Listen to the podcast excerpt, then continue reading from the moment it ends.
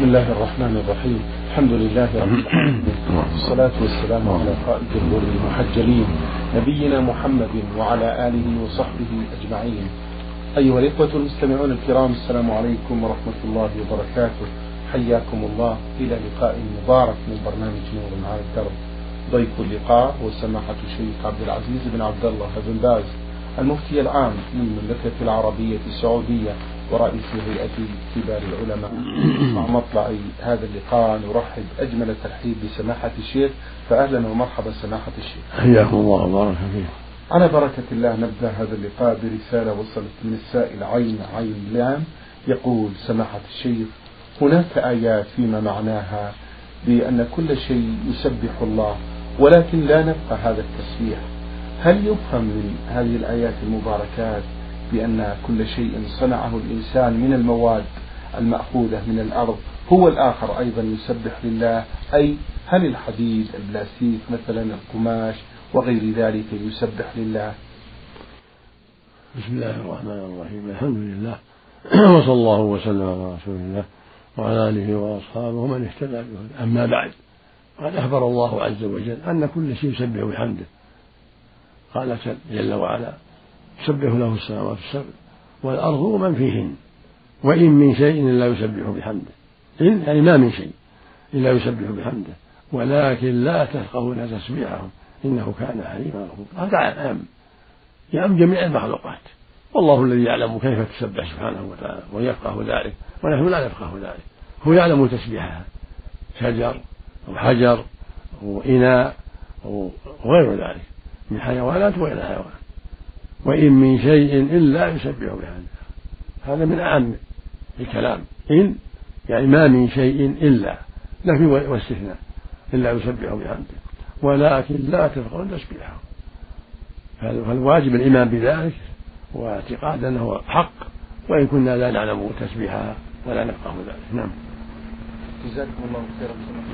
السائل يقول إذا اشترى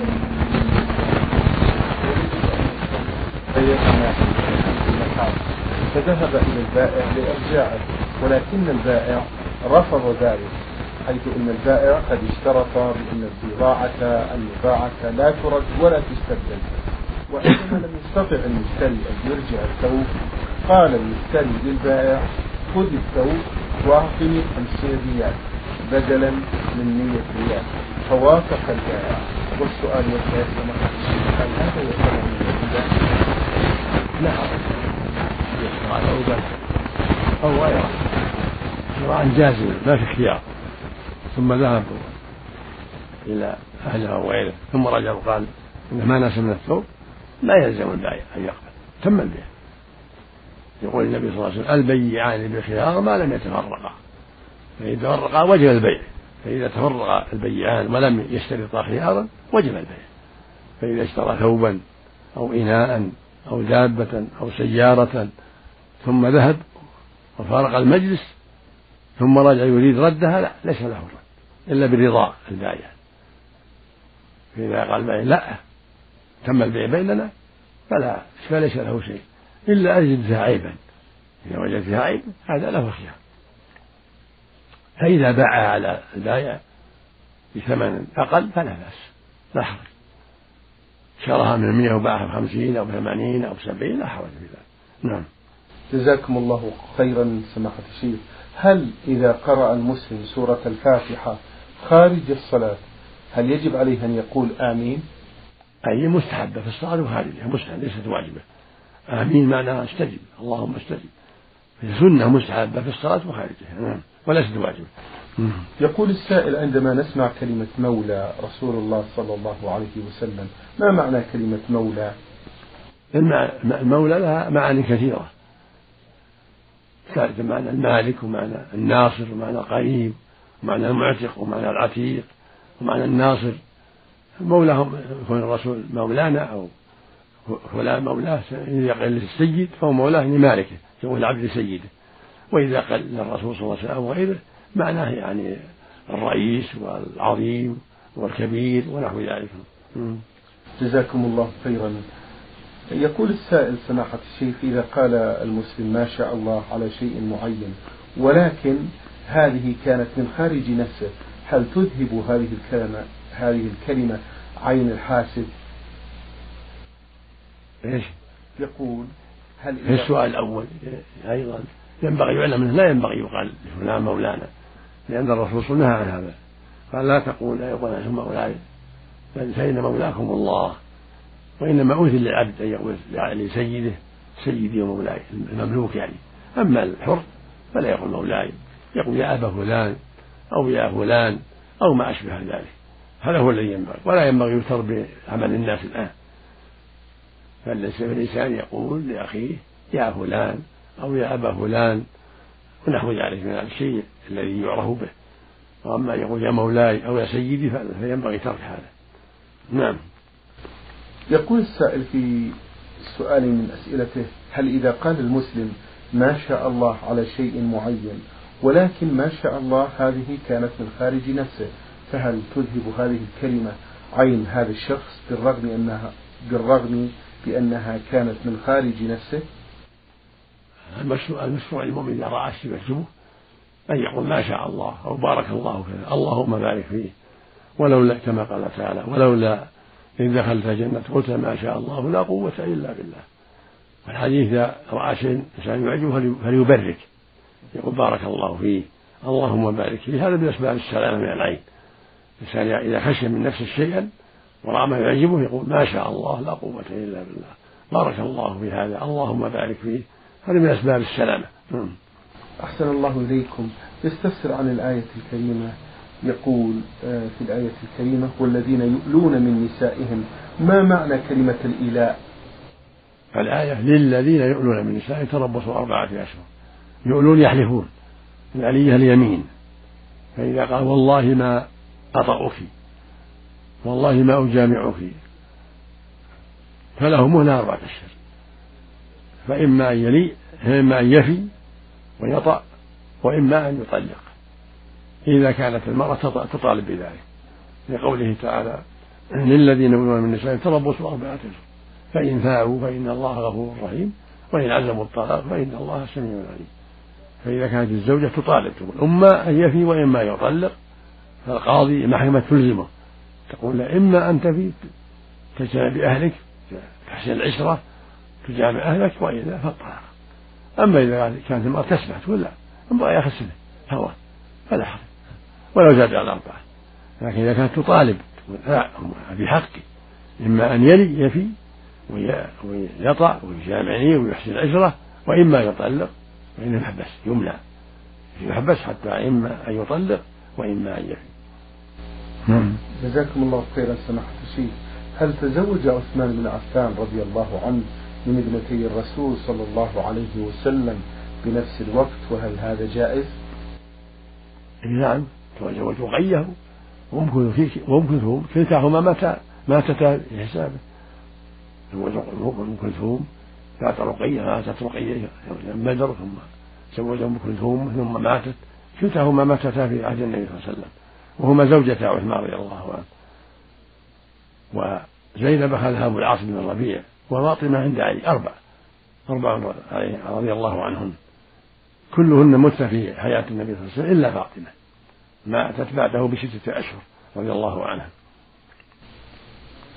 أحسن الله إليكم وبارك الله فيكم سماحة الشيخ. وهذا دليل على أن أن الأشراف زوجنا بغير الأشراف. الآن من بعض الأشراف الموجودين الآن الذين يسمون الأشراف لا يزوجون إلا منهم هذا غلط غلط كبير ما يجوز لهم. يجب تزويج بنات من الأكفى ولو من غير بني هاشم من بقية الأخ أما حبس بناتهن حتى يأتي شريف من من عشيرتهم هذا غلط. هذا منكر ما يجوز. يجب تزويج الشريفات من غير أهل البيت. ولا يحبسن حتى يأتي واحد من أشراف أهل البيت. الرسول صلى الله عليه وسلم زوج بنتي عثمان وهم بني أمية. وزوج علي بنته أم كلثوم زوجها عمر وعمر من بني عدي وليس من بني هاشم.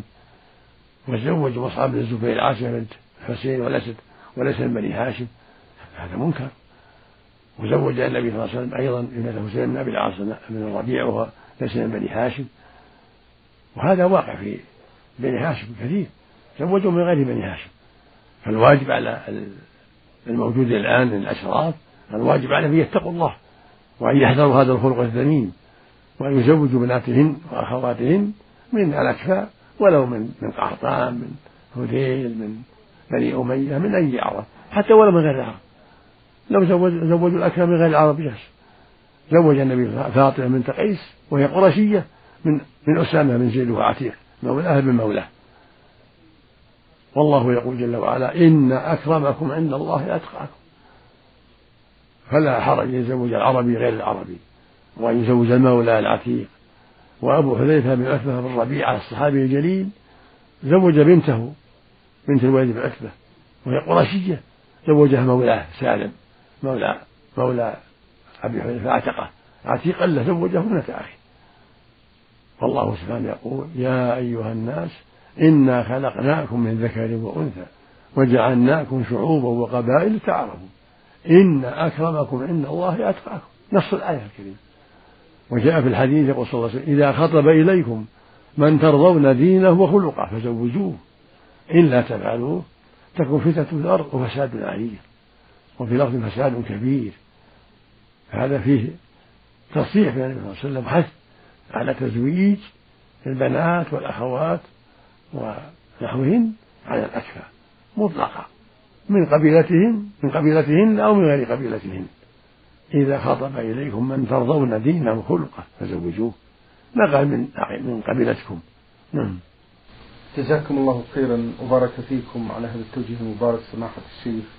هذا السائل سوداني ومقيم بالمنطقة الشمالية يقول سماحة الشيخ نحن في المنطقة الشمالية عندنا برد قارس أيام الشتاء لدرجة أن الماء وصل إلى التجمد في بعض الأحيان.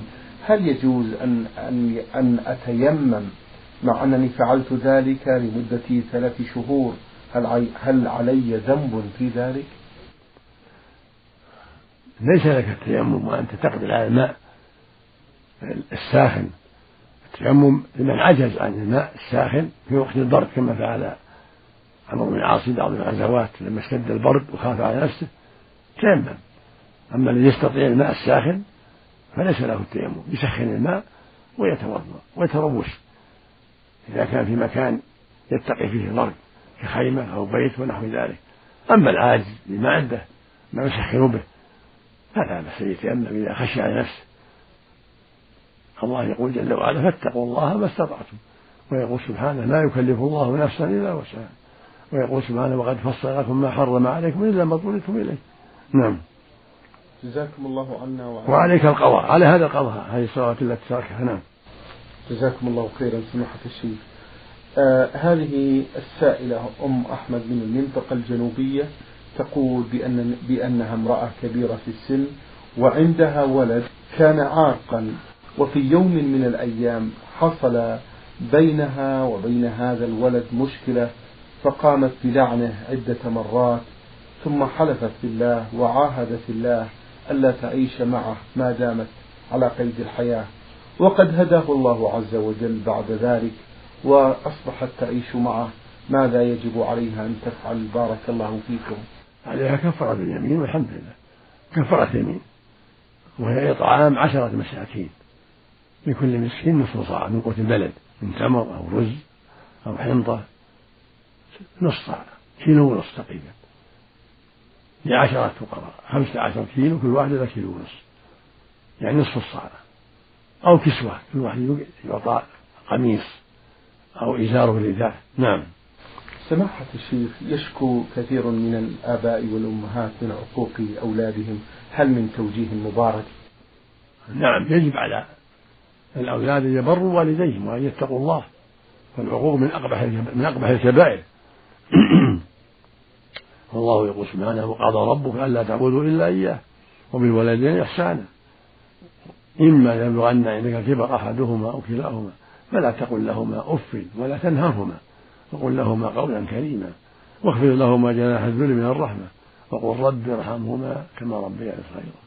ويقول سبحانه واعبدوا الله ولا تشركوا به شيئا وبالوالدين إحسانا. ويقول جل وعلا أن اشكر لي ولوالديك ولوالديك إلي المصير. الله أمر بشكره وشكر الوالدين. فالواجب على جميع الأولاد ذكور على الذكور والإناث جميعا أن يبروا والديهم وأن يحسنوا إلى والديهم وأن يحذروا العقوق من الكلام السيء أو الفعل السيء أو النهر أو رفع الصوت أو مخالفة الأوامر التي يحتاجون إليها وليست معصية. كل هذا واجب عليهم فعليه أن يبر والديه وأن يسمع ويطيع لهما في المعروف وأن يحذر رفع الصوت عليهما أو سبهما كل هذا منكر. في الحديث الصحيح صلى الله عليه وسلم لعن الله من لعن والديه. والحديث الآخر يقول عليه الصلاة والسلام من الكبائر شتم الرجل والديه. قيل يا رسول الله يسب الرجل والديه. استنكر الناس. استنكروا هذا. كيف يسب والديه؟ وهل يسب الرجل والديه؟ قال, النبي صلى الله عليه وسلم يسب أبا الرجل فيسب أباه ويسب أمه فيسب أمه. يعني يتعرض يتسبب. فإذا كان من سبب فقد فعل كبيرة فكيف بالذي يباشر ويسب؟ إذا كان يسب آباء الناس وأمهات الناس فيسب والديه يكون سابا لوالديه لأنه هو المتسبب. فكيف بالذي يسب والديه ويلعنهم؟ يكون إثمه أعظم.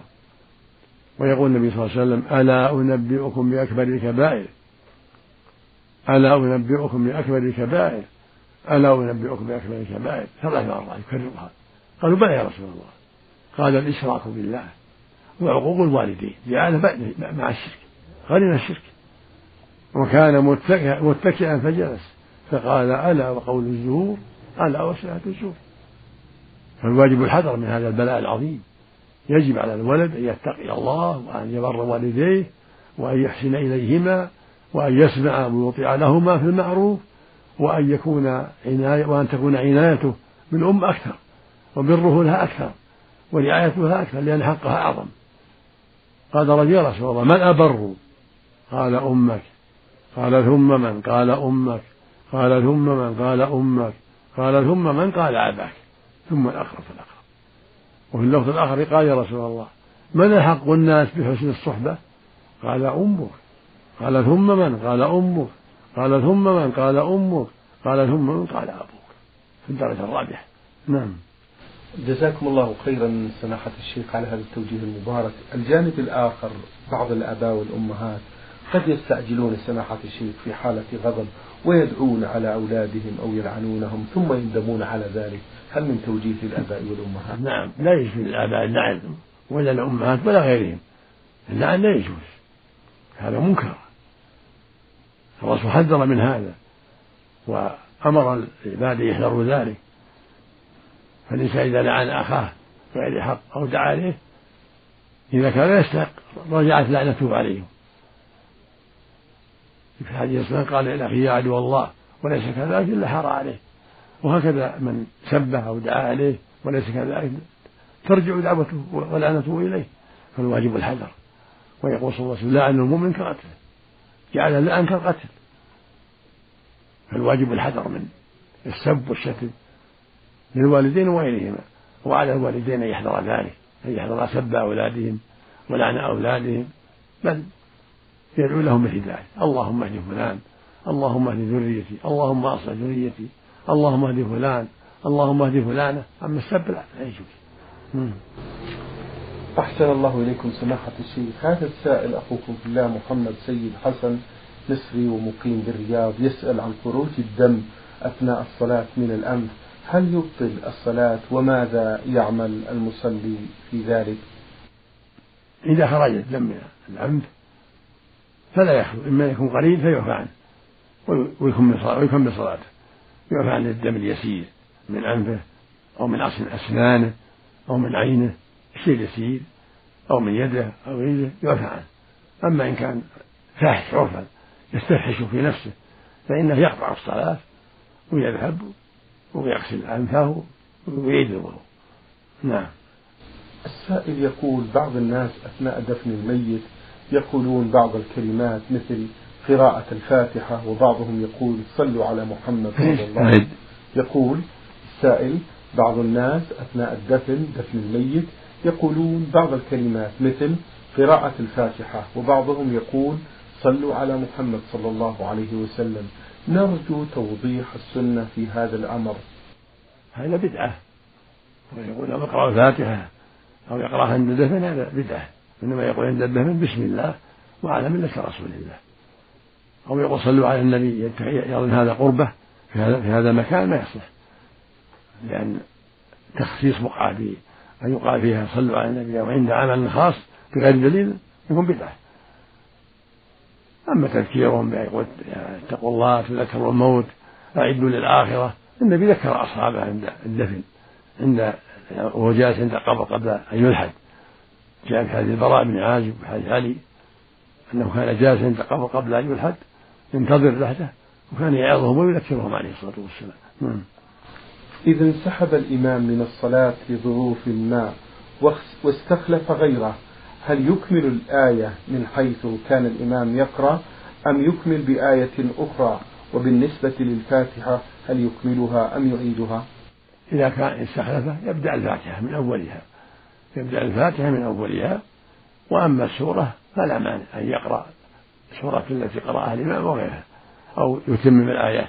المقصود الفاتحة يأتيها من يأتي بها من أولها وبقية الآيات إذا أتى بآية آيات أخرى غير ما قرأ الإمام أو سورة أخرى فلا بأس. بالنسبة للسؤال في القبر هل يبدأ من ساعة الوفاة أم من بعد دفن الميت؟ الأحاديث الصحيحة ذكر فيها الدفن إذا دفن إذا وضع وضع في قبره وانصرف الناس معه هذا الذي جاء في الأحاديث. إذا وضع في قبره وانصرف الناس معه نعم.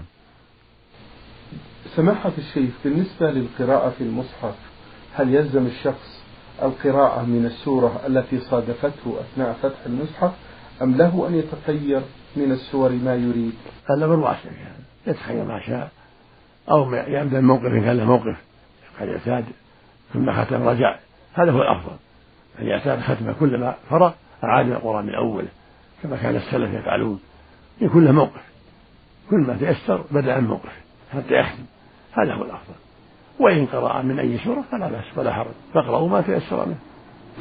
نعم. أحسن الله إليكم سماحة الشيخ. هذا السائل عوض أحمد القرني. آه، يستفسر ويقول سماحة الشيخ ما هي أفضل الكتب التي تنصحوننا باقتنائها في قصص الأنبياء وفي حياة الصحابة؟ الكتب كثيرة. لكن من أفضل الكتب هي اقتناء تفسير ابن كثير تفسير ابن جرير تفسير البغوي الشوكاني كانت كتب مفيدة نافعة. وفي الحديث الصحيحان صحيح البخاري صحيح مسلم منتقى الأخبار بلوغ المرام عمدة الحديث جامع العلوم والحكم لابن رجب هذه كتب مفيدة. فتح المجيد في العقيدة. الشيخ عبد الحسن كتاب التوحيد للشيخ محمد بن الوهاب بن عبد الوهاب رحمه الله كشف الشبهات للشيخ محمد رحمه الله ثلاثة الأصول وشروط الصلاة وقواعد الأربع للشيخ محمد رحمه الله. كتاب صغير مفيد جدا. العقيدة الواسطية شيخ الإسلام ابن تيمية رحمه الله ترغيب والترهيب للحافظ المنذري رياض الصالحين للنووي رحمه الله. هذه كتب مفيدة تخويف عن النار. للحافظ بن رجب أهوال القبور للحافظ بن رجب لمواعظ تذكير نعم. أحسن الله إليك وبارك فيكم. سماحة الشيخ هذه سائلة تقول عندما كنت صغيرة وحتى كبرت كنت أعيش تحت رعاية أبي ولم أكن أصلي ولم أكن أصوم وذلك جهلا مني.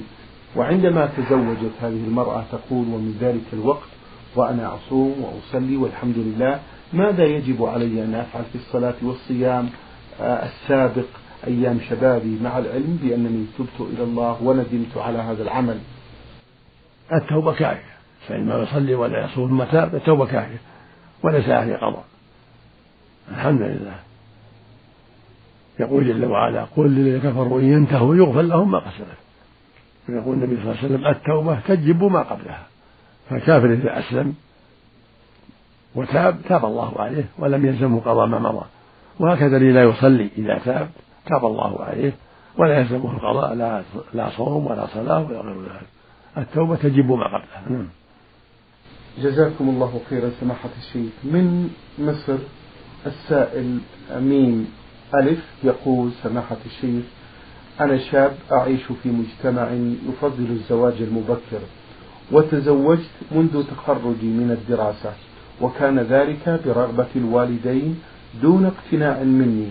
وعشت, مع زوجتي ثلاث سنوات كانت كلها دون أي شعور بالمسؤولية.